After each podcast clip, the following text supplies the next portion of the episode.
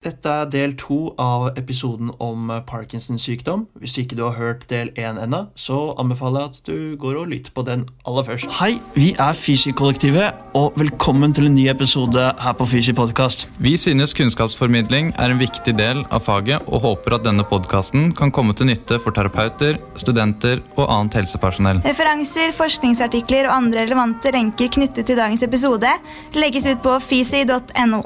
Følg oss gjerne på Facebook og Instagram. Der har vi ukentlig quiz og deler relevant fagstoff.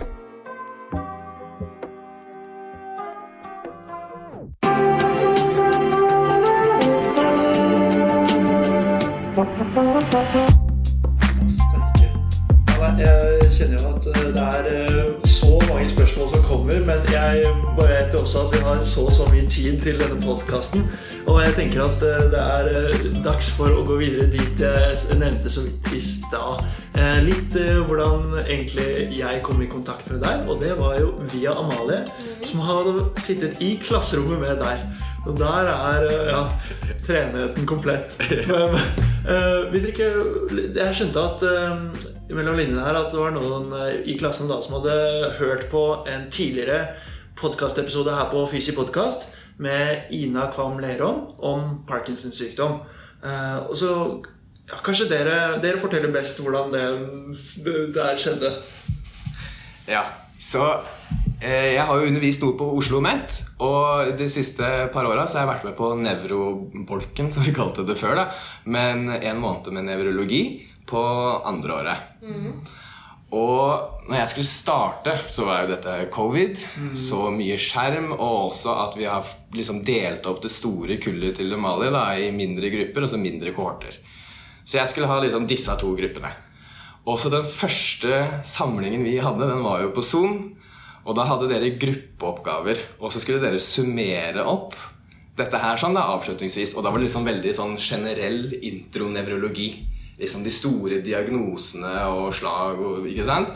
Og så var det noen som kom inn på da Parkinson og degenerativ nevrologi. Eh, og så sitter jeg og tar notater og prøver å liksom multitaske litt. da. Og Så sier de at jeg må trene sånn og sånn, men man må ikke trene kardiovaskulært. Og så tenkte jeg, hørte jeg riktig nå? Eh, men jeg avbrøt ikke. Men så tok jeg, da, når vi summerte opp, så sa jeg ja, dette er viktig forslag, og sånn skal man tenke her. Og på Parkinson skal man trene symptomrette, og man skal trene kardiovaskulært. Og så var det noen skarpe ører og hjerner da, i klassen. For da neste dag så kommer Amalie og andre opp og sier du, dette her stemmer ikke overens med det vi har hørt. Stemmer det. Ja, så, så Hvis vi bare skal gjøre det helt eh, klinkende klart da, Nå skal vi jo inn over i best practice-bolken her også. Og da tenker jeg at det er en fin timing å ta dette med kardiovaskulær trening og eh, Parkinson-sykdom. Eh, per Ola, hva gjør man? Skal man? Hvor hardt skal man trene disse pasientene? Ok, så eh, Det er jo veldig mye som vi må forenkle, og så si liksom på sånn oppsummerte måter. da. Så Jeg er jo fagveileder i Parkinsonhet, så da underviser jeg i retningslinjene. Og da har vi jo eh, tre hele dager med undervisning, hvor jeg har to særfaglige dager. Så det er omfattende opplegg, da. Uh, og de fleste temaer kunne jeg snakka ganske lenge om innenfor Parkinsons sykdom. Men når jeg var ferdig student, da var det ikke nok forskning på at fysioterapi eller trening og aktivitet var hensiktsmessig for parkinson. Da trodde man faktisk at sykdommen hemmer bevegelser. Vi skal ikke utfordre dem, vi skal til og med spare bevegelsene. Det var også holdning av at vi skal unngå fall. Jo mer du sitter, jo mindre fallfare har du. ikke sant? Ja. Da forfaller kroppen veldig fort. Og så, etter hvert som jeg da har vært med i, i Parkinson-diagnosen, så har jo forskningen kommet på banen de grader. Så i dag, hvis du søker PubMed fysioterapi og Parkinson, så er det tusenvis av artikler. Så det internasjonale Parkinson-miljøet er også helt av konsensus. Ja, vi må trene. Også hvis du hører på sånne store, flotte kongresser og samlinger sånt, at nevrologer skal uttale seg om trening, og da ser en jo kun på forskningen. ikke sant? Liksom, Hva kan jeg si om trening? Og da har jeg hørt tre veldig flinke som sier mer eller mindre det samme. Og det er vi kan anbefale en todelt tilnærming. Parkinson-pasientene, og da er det egentlig nesten litt sånn hvor tidlig eller hvor sent eller nesten hva slags type parkinson de har, så skal helst alle Parkinson-pasientene ha et kardiovaskulært element og et symptomrettet element. De skal ha to elementer. Da tar vi det siste først. Ja. Symptomrettet. Det er at vi skal gjøre det motsatte av hva sykdommen gjør med bevegelsene. Så noen av de hovedtingene har vi vært innom på. da. Bradykinesi er jo langsomhet. Hva er det motsatte av langsom? Det er hurtig, eksplosivt osv. Så, videre. så veldig mye av treningen det dreier seg om å gjøre ting fort når sykdommen gjør deg treig. Og så videre, så Sykdommen får deg i fleksjon, i bøy. Derfor trener vi masse ekstensjon. Og De tingene sykdommen påfører, så prøver vi å trene det motsatte. Ikke sant? Yes. Stikk motsatt av holdninger før i tiden. Ja. yes. og innenfor det, da Innenfor det, der har du ikke sant, tusen forskjellige ting å gjøre. Så på podkasten til Ina, som jeg syns var knallbra, så nevner hun jo masse om meditasjon, f.eks. Og det er superviktig. Det er under symptomretta trening. Og bare for å slenge inn, da, nå kommer det utrolig mye forskning på meditasjon, pust og mindfulness. Så jeg har hørt flinke nevrologer si at vi, om vi er på meditasjon og mindfulness, så er vi i dag der vi var på fysioterapi for ti år siden. Som betyr bare at vi må ha masse forskning og erfaring før vi kan si at dette her er så viktig. Ja, men det, det å meditere, bevisst respirasjon osv., det er symptomretta. Også boksing og power og LSVT og alle disse standardiserte treningsprogrammene, de har jo med disse symptomrettede elementene. Gjøre det motsatte av hva sykdommen gjør. Ja. Det går jo også i, rett under treningslære, altså treningsspesifisitet. Sant? Du blir kun flink på det du trener på.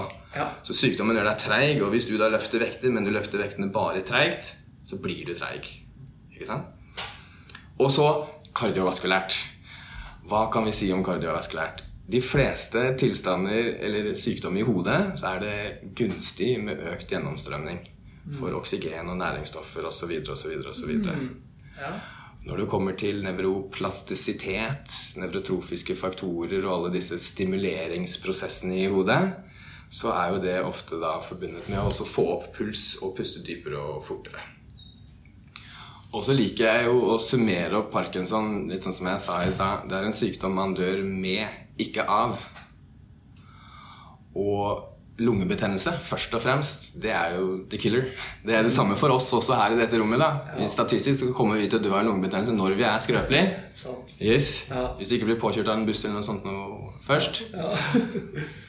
Em, og da uh, Å ha sterkt hjerte og lunger, i tillegg til å holde et høyt gangtempo, det er to av de faktorene som fysioterapeuter er veldig tett innpå, som dreier seg om å forebygge skrøpelighet. Ja. Yes. Har du sterkt hjerte, lunge, og det går fort, så klarer ikke kroppen å gjøre deg skrøpelig. Men så er det da litt sånn som jeg sa, det er jo 500 måter å trene symptomer etter. Det er kanskje like mange å trene kardiovaskulært.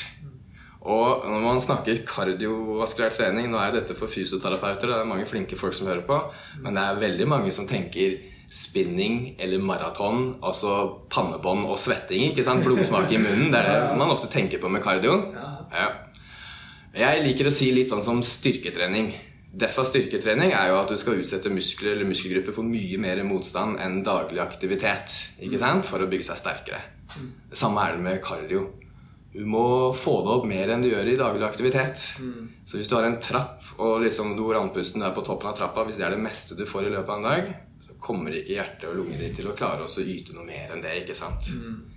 Så kardiovaskulær, det er alt fra liksom at Olga går den turen i et mye fortere tempo. Ikke sant? Eller at hun var vant til å gå en tur på en kilometer, og så tasser det av gårde. Så kunne man tatt intervalltilnærming på den kilometeren. ikke sant? Nå tar det noen meter og går så fort du klarer. Ehm, så intervall, sånn utordnet over tid, en eller annen måte du får opp pulsen og puster fortere og dypere enn du pleier. Og det er så utrolig mange måter man kan gjøre det på. Unge, nydiagnostiserte spreke de vil jo ofte heller dra på Sats Elexia og være med på aerobic og spinning.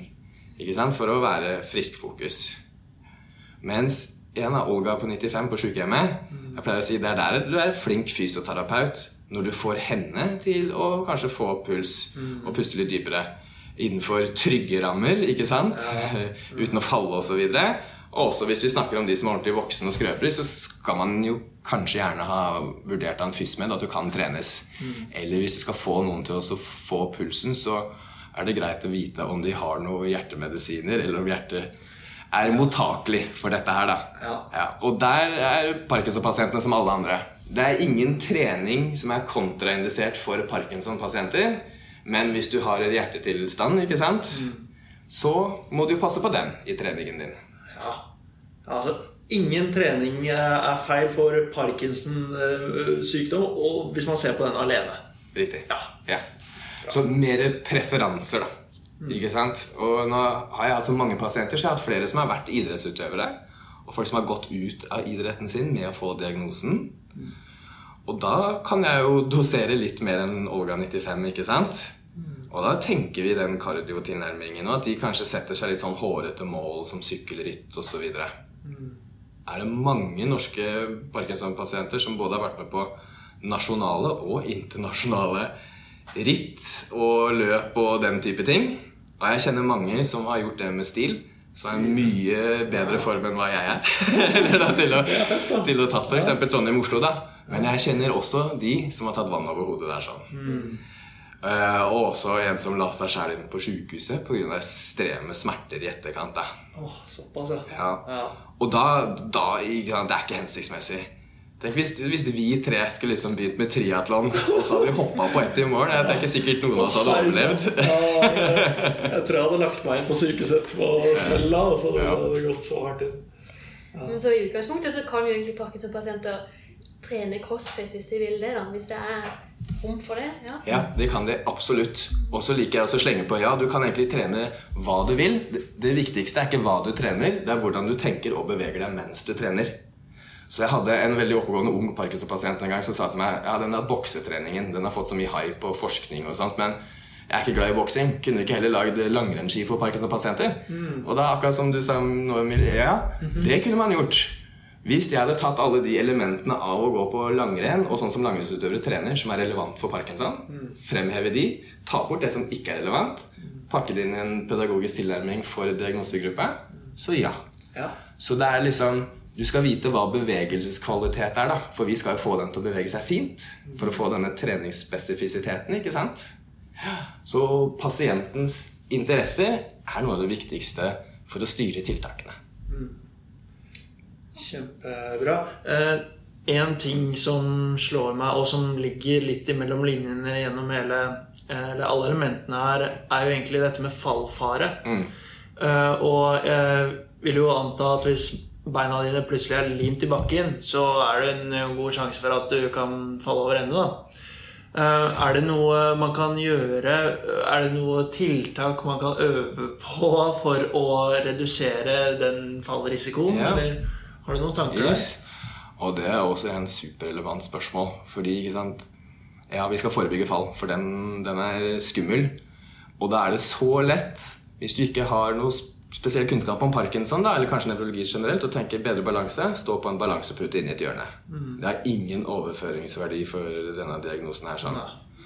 De faller pga. symptomene sine eh, og flere andre årsaker. Men eller for å prøve å svare kort på det, da. Noe av det mest relevante du kan gjøre for å forebygge fall, det er å trene hurtig, raske ben. Så det er egentlig mer relevant å være med på en spinningtime, eller da, hvis du er Olga 95, få deg en fotsykkel hvor du tar sånn intervall, ikke sant? Hvor du bare høyt tempo, lav motstand.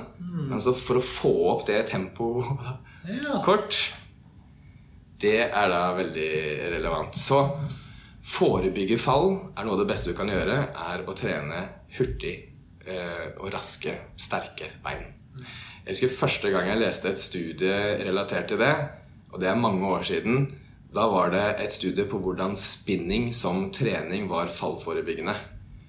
Eh, Jeg har ikke noe doktorgrad, eller noe sånt, så jeg er ingen akademiker, men jeg tenkte da åssen i huleste kan å sitte på en spinningsykkel ha overføring til at du ikke ramler når du går?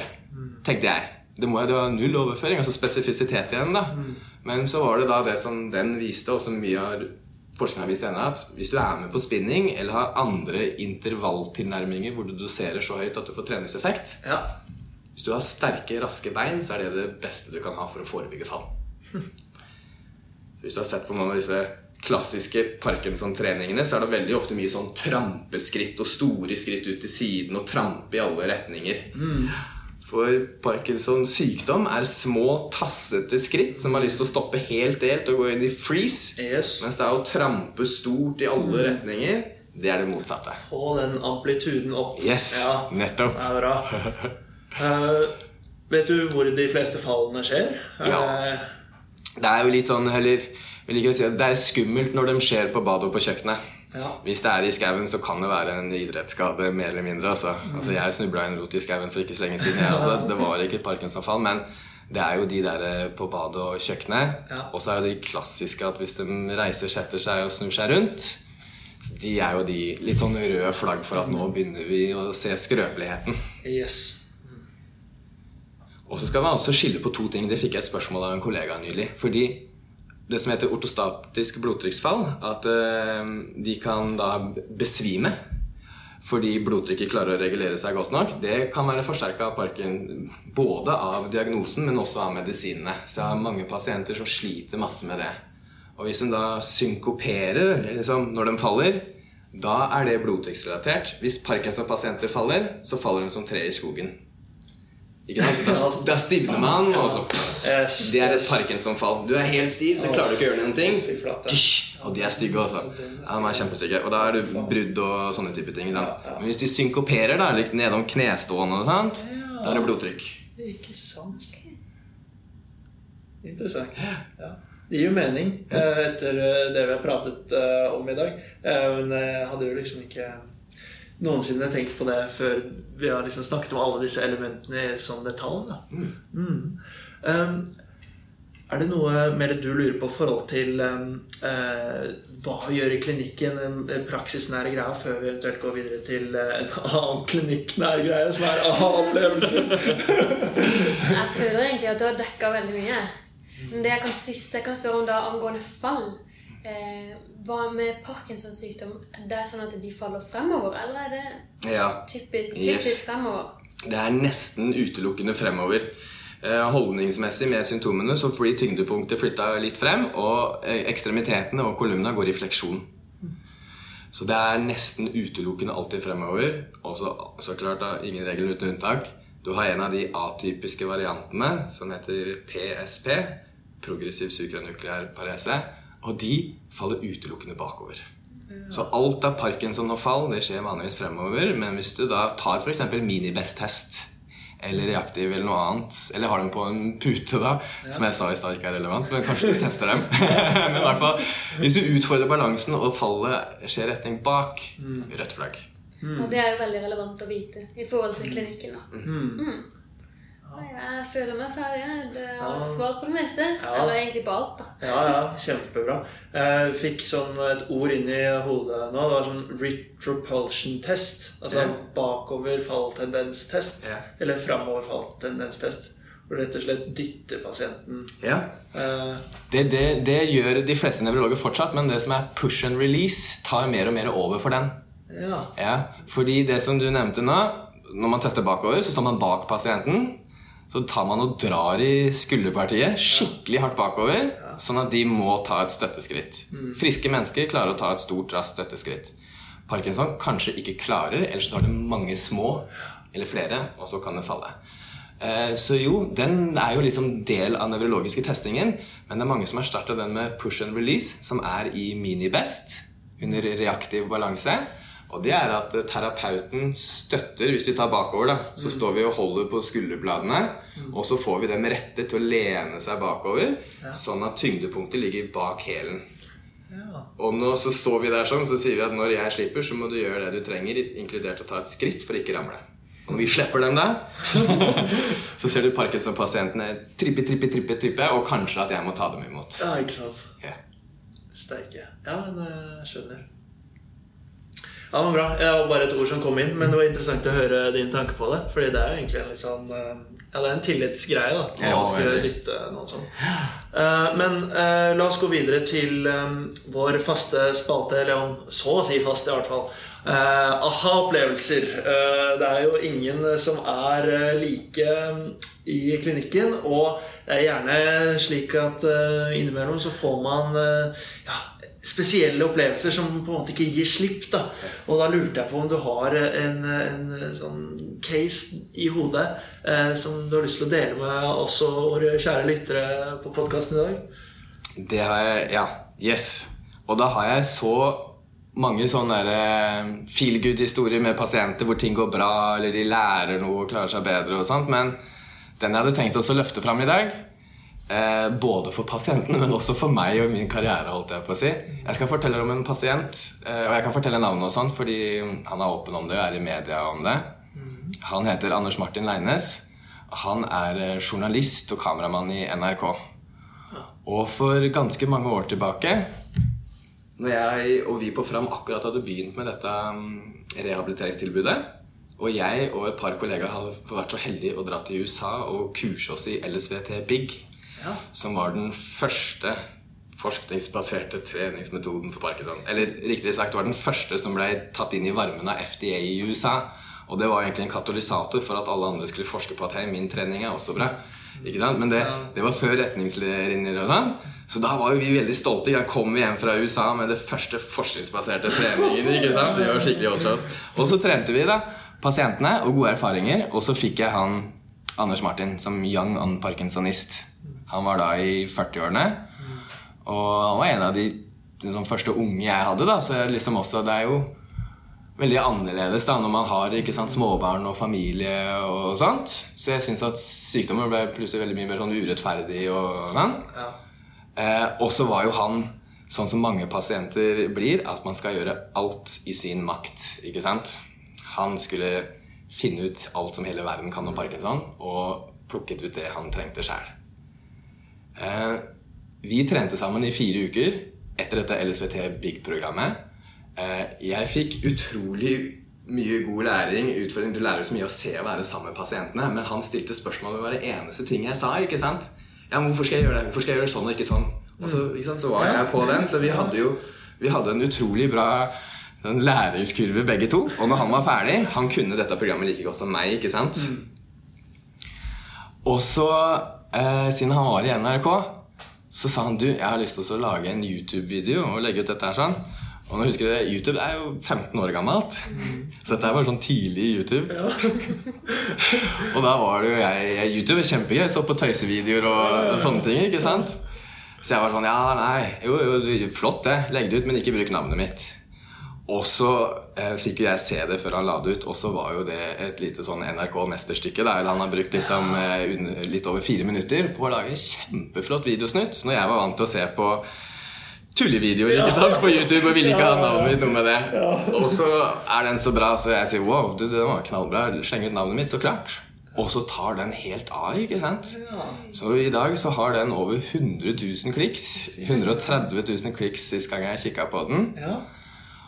Den spredde litt sånn tidlig i fysio-parkinson-forskningstiden. Så spredde den at jo, nå har vi forskningsbasert trening. Så vi fikk jo tilbakemeldinger fra hele verden. Jeg og han. Han først og fremst, da. Men jeg husker plutselig så ringte en, en eh, fysioterapeut fra Tyskland. Og så bare Ja, du, dette er treningen, og kan jeg dra til Norge og se på Nei, du må dra til USA og kurse deg? Og så var jeg så heldig å være med på Parkinson verdenskongresser flere ganger. Og da var det folk som kjente meg igjen da jeg var i Canada. Da følte jeg meg som en stjerne. Men den videoen den ga så mye oppmerksomhet da, til Parkinsons sykdom og trening. Og liksom løfta det at det er noe man kan gjøre selv, som pasientene er så opptatt av. Altså aktive tiltak. Hva kan jeg gjøre sjøl? Så den har jo vært en motivator for utrolig mange pasienter. Og at liksom, ja, ok, hvis jeg må trene, så må jeg trene, da. Og nå har jeg noe å ta utgangspunkt i. Og jeg har også snakka med mange terapeuter som har jobba lenge og sett diagnosegruppa lenge. Ikke sant? Så var det hei, nå er det, nå er det noe jeg kan gjøre. Fram til nå så har jeg jo liksom massert og smertelindra og sånt, men her er det jo This makes sense, og her er det noe vi kan prøve på. Så at den fikk så mye oppmerksomhet, både for meg og min arbeidsplass, og jeg har jo nesten utelukkende jobba med parkinson siden det, men spesielt for pasientgruppa, da. Og så vil jeg også si at han som nå har hatt sykdommen i ti år pluss, så ser jo jeg veldig mye av den gode motorikken hans. Og jeg husker jo så godt motorikken hans når vi trente tidlig. Og i den YouTube-videoen da, som ligger på nett, og som dere linker opp til etterpå Ja, ja. Fordi han har jo en egen hjemside som heter livshygiene.no, hvor denne og alle videoene og bilder og alt annet han som fotograf og journalist har laget, da. Ja, fett. Der ligger den eh, linka. Ja, jeg tror faktisk jeg har sett den videoen. eh, Det ringer en bjelle når du snakker om det. Lurer på om den sto på liksom, pensumlista di. Ja. Ja, ja det, var, det var veldig gøy. Var det deg? Jeg hadde en sånn scenario rett før korona også. Jeg var på konferanse og så jeg så, du, jeg jobber med Parkinson, og for mange år siden så så jeg en sånn video. Og så skjønte jeg at det var meg, da, men jeg kjente meg ikke. Jeg var litt yngre da òg. Ja, fy søren. Ja, det er gøy. Ja. Veldig bra. Ja, Vi kan jo ta eh, linke til den Ja. under episoden. Så lurte jeg på også, sikkert på vegne av veldig mange nysgjerrige fysioterapistudenter og fysioterapeuter rundt forbi, om du har noen andre nettsider eller Mhm. artikler som vi også kunne linka til. Ja, absolutt. Så livshygiene.no som blir linka, det er hjemmesiden til Anders Martin Leine, som er pasient og lager masse flotte greier. Eh, Parkinsonnett.com. Det er Parkinsonnett Nederland sin hjemmeside. Og der har vi retningslinjene for fysioterapi på flere språk. I tillegg til det så har vi parkinson.no, som er hjemsiden til Norges Parkinsonforbund. De har alltid vært best på pasientinformasjon. At de har fått den beste kunnskapen fra de smarteste folka, og så formidler det på flotte måter til pasientene. Og gjennom Parkinson Nett, når vi skulle etablere dette, så er det jo egentlig Helse Norge som er myndighetenes informasjonskanal til diagnoser. Men det har blitt bestemt at den er ikke oppdatert. Så vi lar bare den ligge. Norges Parkinsonforbund skal ha ansvar for å holde informasjon som er tilgjengelig for pasientene. Ikke bare pasientene, men terapeuter, ikke minst. Hvis du lurer f.eks. på noe om arvelighet og parkinson, da, så er det ti ganger bedre å klikke inn på parkinson.no og finne arvelighet i fanen der, ikke google. For all del. I tillegg til disse hjemmesidene så vil jeg gi et siste ord til eh, Parkinson Nett. Og det er jo at jeg fortalte jo åssen det starta, og hva vi prøver å gjøre i Norge. Og grunnen til at det har fått såpass mye vind i seilene, da, det er at det er jo norske helsemyndigheter som blei gira på å kopiere denne modellen. Så med Bent Høies initiativ så var det Helsedirektoratet som sa nå skal vi pilot prøve dette i Norge. Så hadde vi pilot i et par år, og så hadde vi gode resultater på piloten. Så nå har det bestemt at dette skal bli nasjonalt. Så når parkinsonett kommer til deg, holdt jeg på å si, i ditt område, ja. vil jeg veldig gjerne at du rekker opp hånda og melder deg på gratis. Fordi vi prøver i Norge å kopiere alt det Nederland har fått til, men ting funker litt annerledes i Norge. Så vi må gjøre ting litt annerledes. Men da binder du deg på en måte uforpliktende til å være med i et faglig nettverk, hvor du får strukturert opplæring for å være med, og oppdatert eh, informasjon kontinuerlig gjennom fagsamlinger og andre typer ting. Så jeg vil bare ufarliggjøre at du, du verver deg ikke for noe ekstra jobb. eller noe sånt nå. Du får egentlig bare mer kunnskap om denne spesifikke diagnosen hvis du jobber med den. Kjempebra. Ja, det tenker jeg er en fin sånn ender å si der også når, når Parkinson-nett kommer til deg. Ja, det er kjempebra. Eh, tusen takk for eh, at vi fikk ta praten med deg her på Fysi podkast, Per Ola. Jeg syns det var eh, kjempe Det var utrolig flott å lytte og kunne stille deg spørsmål. Jeg er beriket på min kunnskap om Parkinsons sykdom. Takk. Så da takker vi for oss. Eh, Jeg heter Fredrik Sjøberg og satt her med Amalie Byklum og P... P nå kommer det en stamme. Ja, per Olav Wold Olsen. Yes. Takk. Selv Ok. takk. Ha det bra. Ha det Takk for at du hørte på Fysi podcast. Håper du likte denne episoden. Følg oss gjerne på Facebook og Instagram. Der har vi ukentlig quiz og deler relevant fagstoff. Vi selger T-skjorter og annet merch på fysi.no. Vi har mange planer og mål, og omsetningen av merch skal vi bruke til videre prosjekter og kunnskapsformidling. Husk å abonnere og rate podkasten, slik at vi når ut til flere.